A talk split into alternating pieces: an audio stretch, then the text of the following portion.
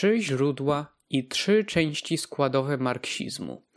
Włodzimierz Ilicz Lenin, rok 1913. Nauka Marksa budzi w całym świecie cywilizowanym olbrzymią wrogość i nienawiść całej nauki burżuazyjnej i urzędowej i liberalnej, która widzi w marksizmie coś w rodzaju szkodliwej sekty. Innego stosunku nie można się zresztą spodziewać, ponieważ bezstronnej nauki społecznej nie może być w społeczeństwie zbudowanym na walce klasowej. Tak czy inaczej, Cała nauka urzędowa i liberalna broni niewolnictwa najemnego.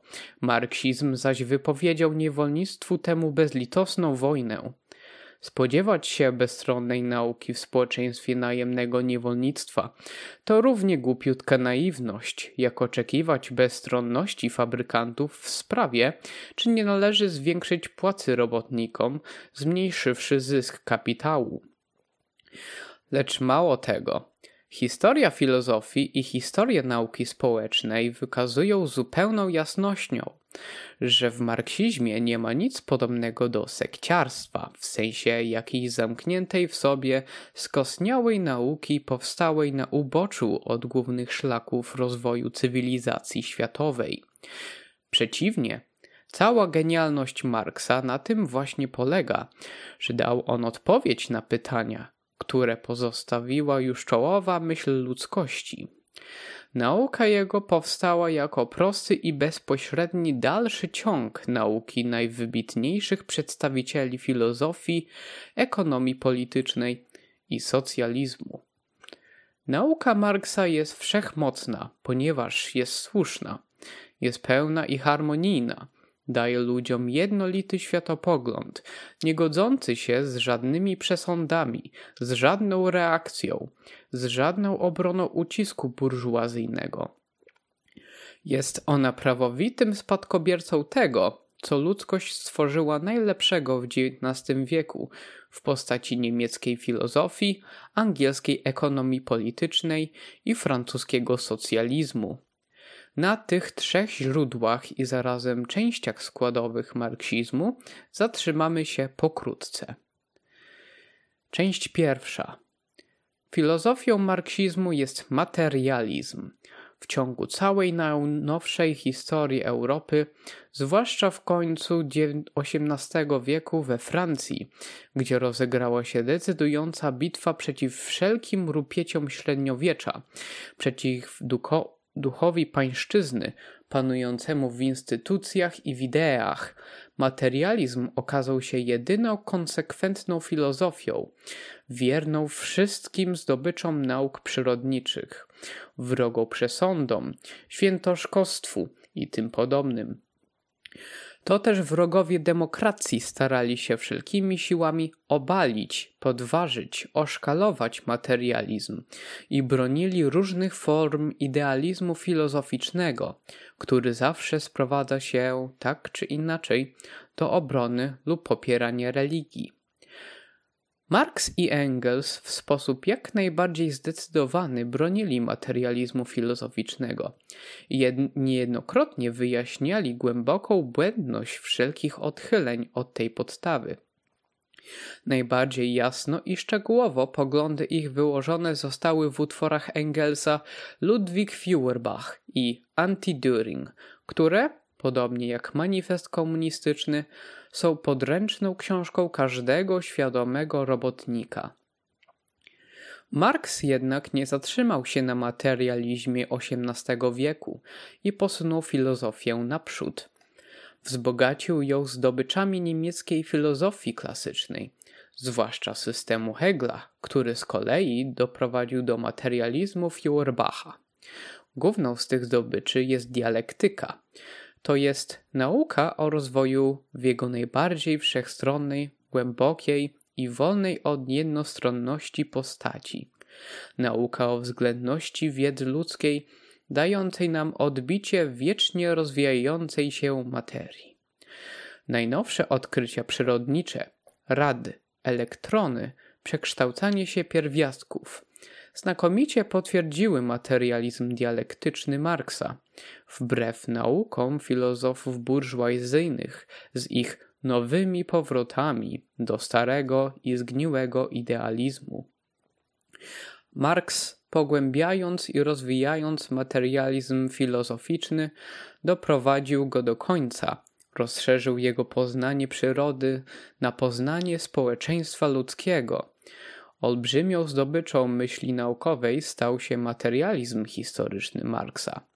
Chaos i dowolność, które panowały dotąd w poglądach na historię i politykę, ustąpiły miejsca zdumiewająco jednolitej i harmonijnej teorii naukowej, wskazującej, jak z jednego ustroju życia społecznego wskutek wzrostu sił wytwórczych rozwija się inny, wyższy. Z feudalizmu na przykład wyrasta kapitalizm.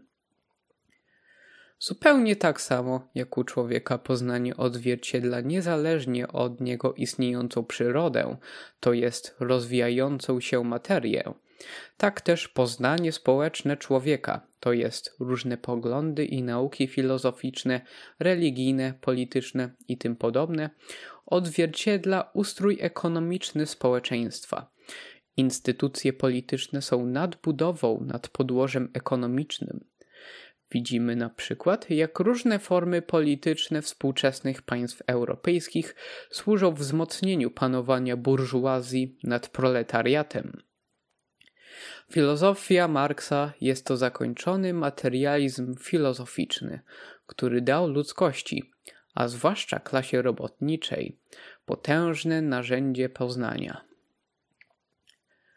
Część druga. Uznawszy, że ustrój ekonomiczny jest podłożem, na którym wznosi się nadbudowa polityczna, Marx najwięcej uwagi poświęcił zbadaniu tego ustroju ekonomicznego. Główna praca Marksa, Kapitał, poświęcona jest zbadaniu ekonomicznego ustroju społeczeństwa współczesnego, to jest kapitalistycznego. Klasyczna ekonomia polityczna przed Marksem ukształtowała się w Anglii, w najbardziej rozwiniętym kraju kapitalistycznym. Adam Smith i David Ricardo, badając ustrój ekonomiczny, dali początek opartej na pracy teorii wartości. Marx kontynuował ich dzieło. Ściśle uzasadnił i konsekwentnie rozwinął tę teorię. Wykazał, że wartość każdego towaru określa się przez ilość społecznie niezbędnego czasu pracy zużytego na wytworzenie towaru. Tam, gdzie ekonomiści burżuazyjni widzieli stosunek między rzeczami, wymiana towaru na towar, Marx odkrył stosunek między ludźmi. Wymiana towarów wyraża związek pomiędzy poszczególnymi wytwórcami za pośrednictwem rynku. Pieniądze oznaczają, że związek ten staje się coraz ściślejszy, zespalając nierozdzielone całe życie gospodarcze poszczególnych wytwórców w jedną całość. Kapitał oznacza dalszy rozwój tego związku. Towarem staje się siła robocza człowieka. Robotnik najemny sprzedaje swoją siłę roboczą posiadaczowi ziemi, fabryk, narzędzi pracy. Jedną część dnia pracy robotnik zużywa na to, by pokryć wydatki na utrzymanie swoje i swojej rodziny w postaci płacy, a w ciągu drugiej części dnia robotnik pracuje za darmo, wytwarzając wartość dodatkową dla kapitalisty, źródło zysku, źródło bogactwa klasy kapitalistów. Nauka o wartości dodatkowej jest kamieniem węgielnym teorii ekonomicznej Marksa. Kapitał stworzony pracą robotnika gnębi robotnika, rujnując drobnych posiadaczy i stwarzając armię bezrobotnych. W przemyśle zwycięstwo wielkiej wytwórczości widoczne jest od razu, lecz i w rolnictwie widzimy to samo zjawisko. Przewaga wszelkiego rolnictwa kapitalistycznego zwiększa się wzrasta zastosowanie maszyn, gospodarstwo chłopskie wpada w sieci kapitału pieniężnego, upada i rujnuje się pod brzemieniem zacofanej techniki. Formy upadku drobnej wytwórczości w rolnictwie są inne, ale sam jej upadek jest faktem niewątpliwym. Zwyciężając drobną wytwórczość, Kapitał doprowadza do zwiększenia wydajności pracy i do wytworzenia się monopolistycznej sytuacji związków największych kapitalistów. Sama wytwórczość staje się coraz bardziej uspołeczniona. Setki tysięcy i miliony robotników jednoczone są w usystematyzowanym organizmie gospodarczym. Produkt zaś wspólnej pracy przywłaszcza sobie garstka kapitalistów. Wzrasta anarchia wytwórczości, kryzysy, wściekła pogoń za rynkiem, niepewność istnienia dla mas ludzkości.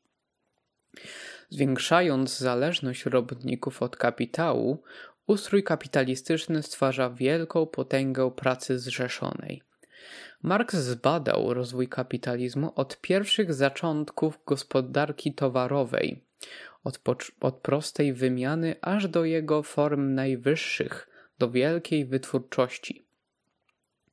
To doświadczenie wszystkich krajów kapitalistycznych, zarówno starych jak nowych, wykazuje każdego roku naocznie coraz większej liczbie robotników słuszność tej nauki Marksa. Kapitalizm zwyciężył na całym świecie, ale zwycięstwo to jest jedynie wstępem do zwycięstwa pracy nad kapitałem. Część trzecia. Kiedy obalony został ustrój feudalny i przyszło na świat wolne społeczeństwo kapitalistyczne, od razu wyszło na jaw, że wolność ta oznacza nowy system ucisku i wyzysku mas pracujących. Natychmiast zaczęły powstawać no, nowe nauki socjalistyczne jako odbicie tego ucisku i protest przeciwko niemu. Ale socjalizm pierwotny był socjalizmem utopijnym.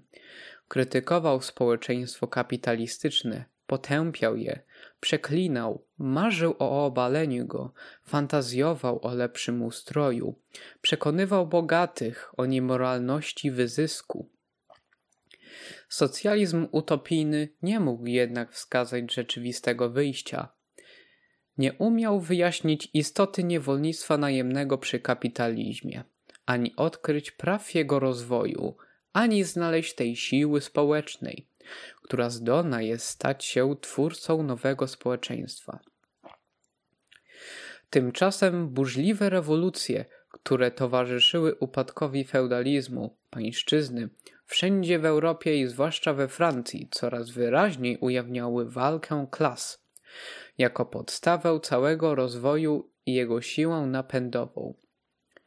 Ani jedno zwycięstwo wolności politycznej nad klasą feudałów nie zostało wywalczone bez zaciekłego oporu.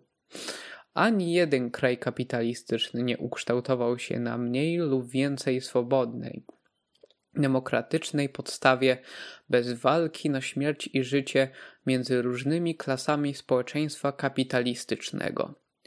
Genialność Marksa polega na tym, że potrafił on wcześniej od innych wysnuć stąd i rozwinąć konsekwentnie wniosek, którego uczą dzieje całego świata. Wniosek ten to nauka o walce klasowej. Ludzie zawsze byli i zawsze będą głupiutkimi ofiarami oszustwa i uszykiwania samych siebie w polityce, dopóki nie nauczą się pod wszelkimi moralnymi, religijnymi, politycznymi, społecznymi frazesami, oświadczeniami, obietnicami odnajdywać interesów tych lub innych klas. Stronnicy reform i ulepszeń zawsze będą wyprowadzani w pole przez obrońców przeszłości, dopóki nie zrozumieją, że każda stara instytucja, choćby się wydawała czymś najbardziej dzikim i zgniłym, utrzymuje się siłami tych lub innych klas panujących. Dla złamania zaś oporu tych klas istnieje tylko jeden środek znaleźć w samym otaczającym nas społeczeństwie, uświadomić i zorganizować do walki takie siły, które mogą i ze względu na swoją sytuację społeczną muszą stworzyć siłę zdolną do obalenia starego ładu i utworzenia nowego. Tylko materializm filozoficzny Marksa wskazał proletariatowi wyjście z niewoli duchowej, w której wegetowały dotychczas wszystkie klasy uciskane. Tylko teoria ekonomiczna Marksa wyjaśniła rzeczywistą sytuację proletariatu w ogólnym ustroju kapitalizmu. Na całym świecie, od Ameryki do Japonii i od Szwecji do Afryki Południowej, mnożą się samodzielnie organizacje proletariatu. Prowadząc swą walkę klasową, uświadamia się on i wychowuje. Wyzbywa się przesądów społeczeństwa burżuazyjnego, zespala się coraz ściślej i uczy się mierzyć miarę swych powodzeń. Hartuje swe siły i niepowstrzymanie rośnie.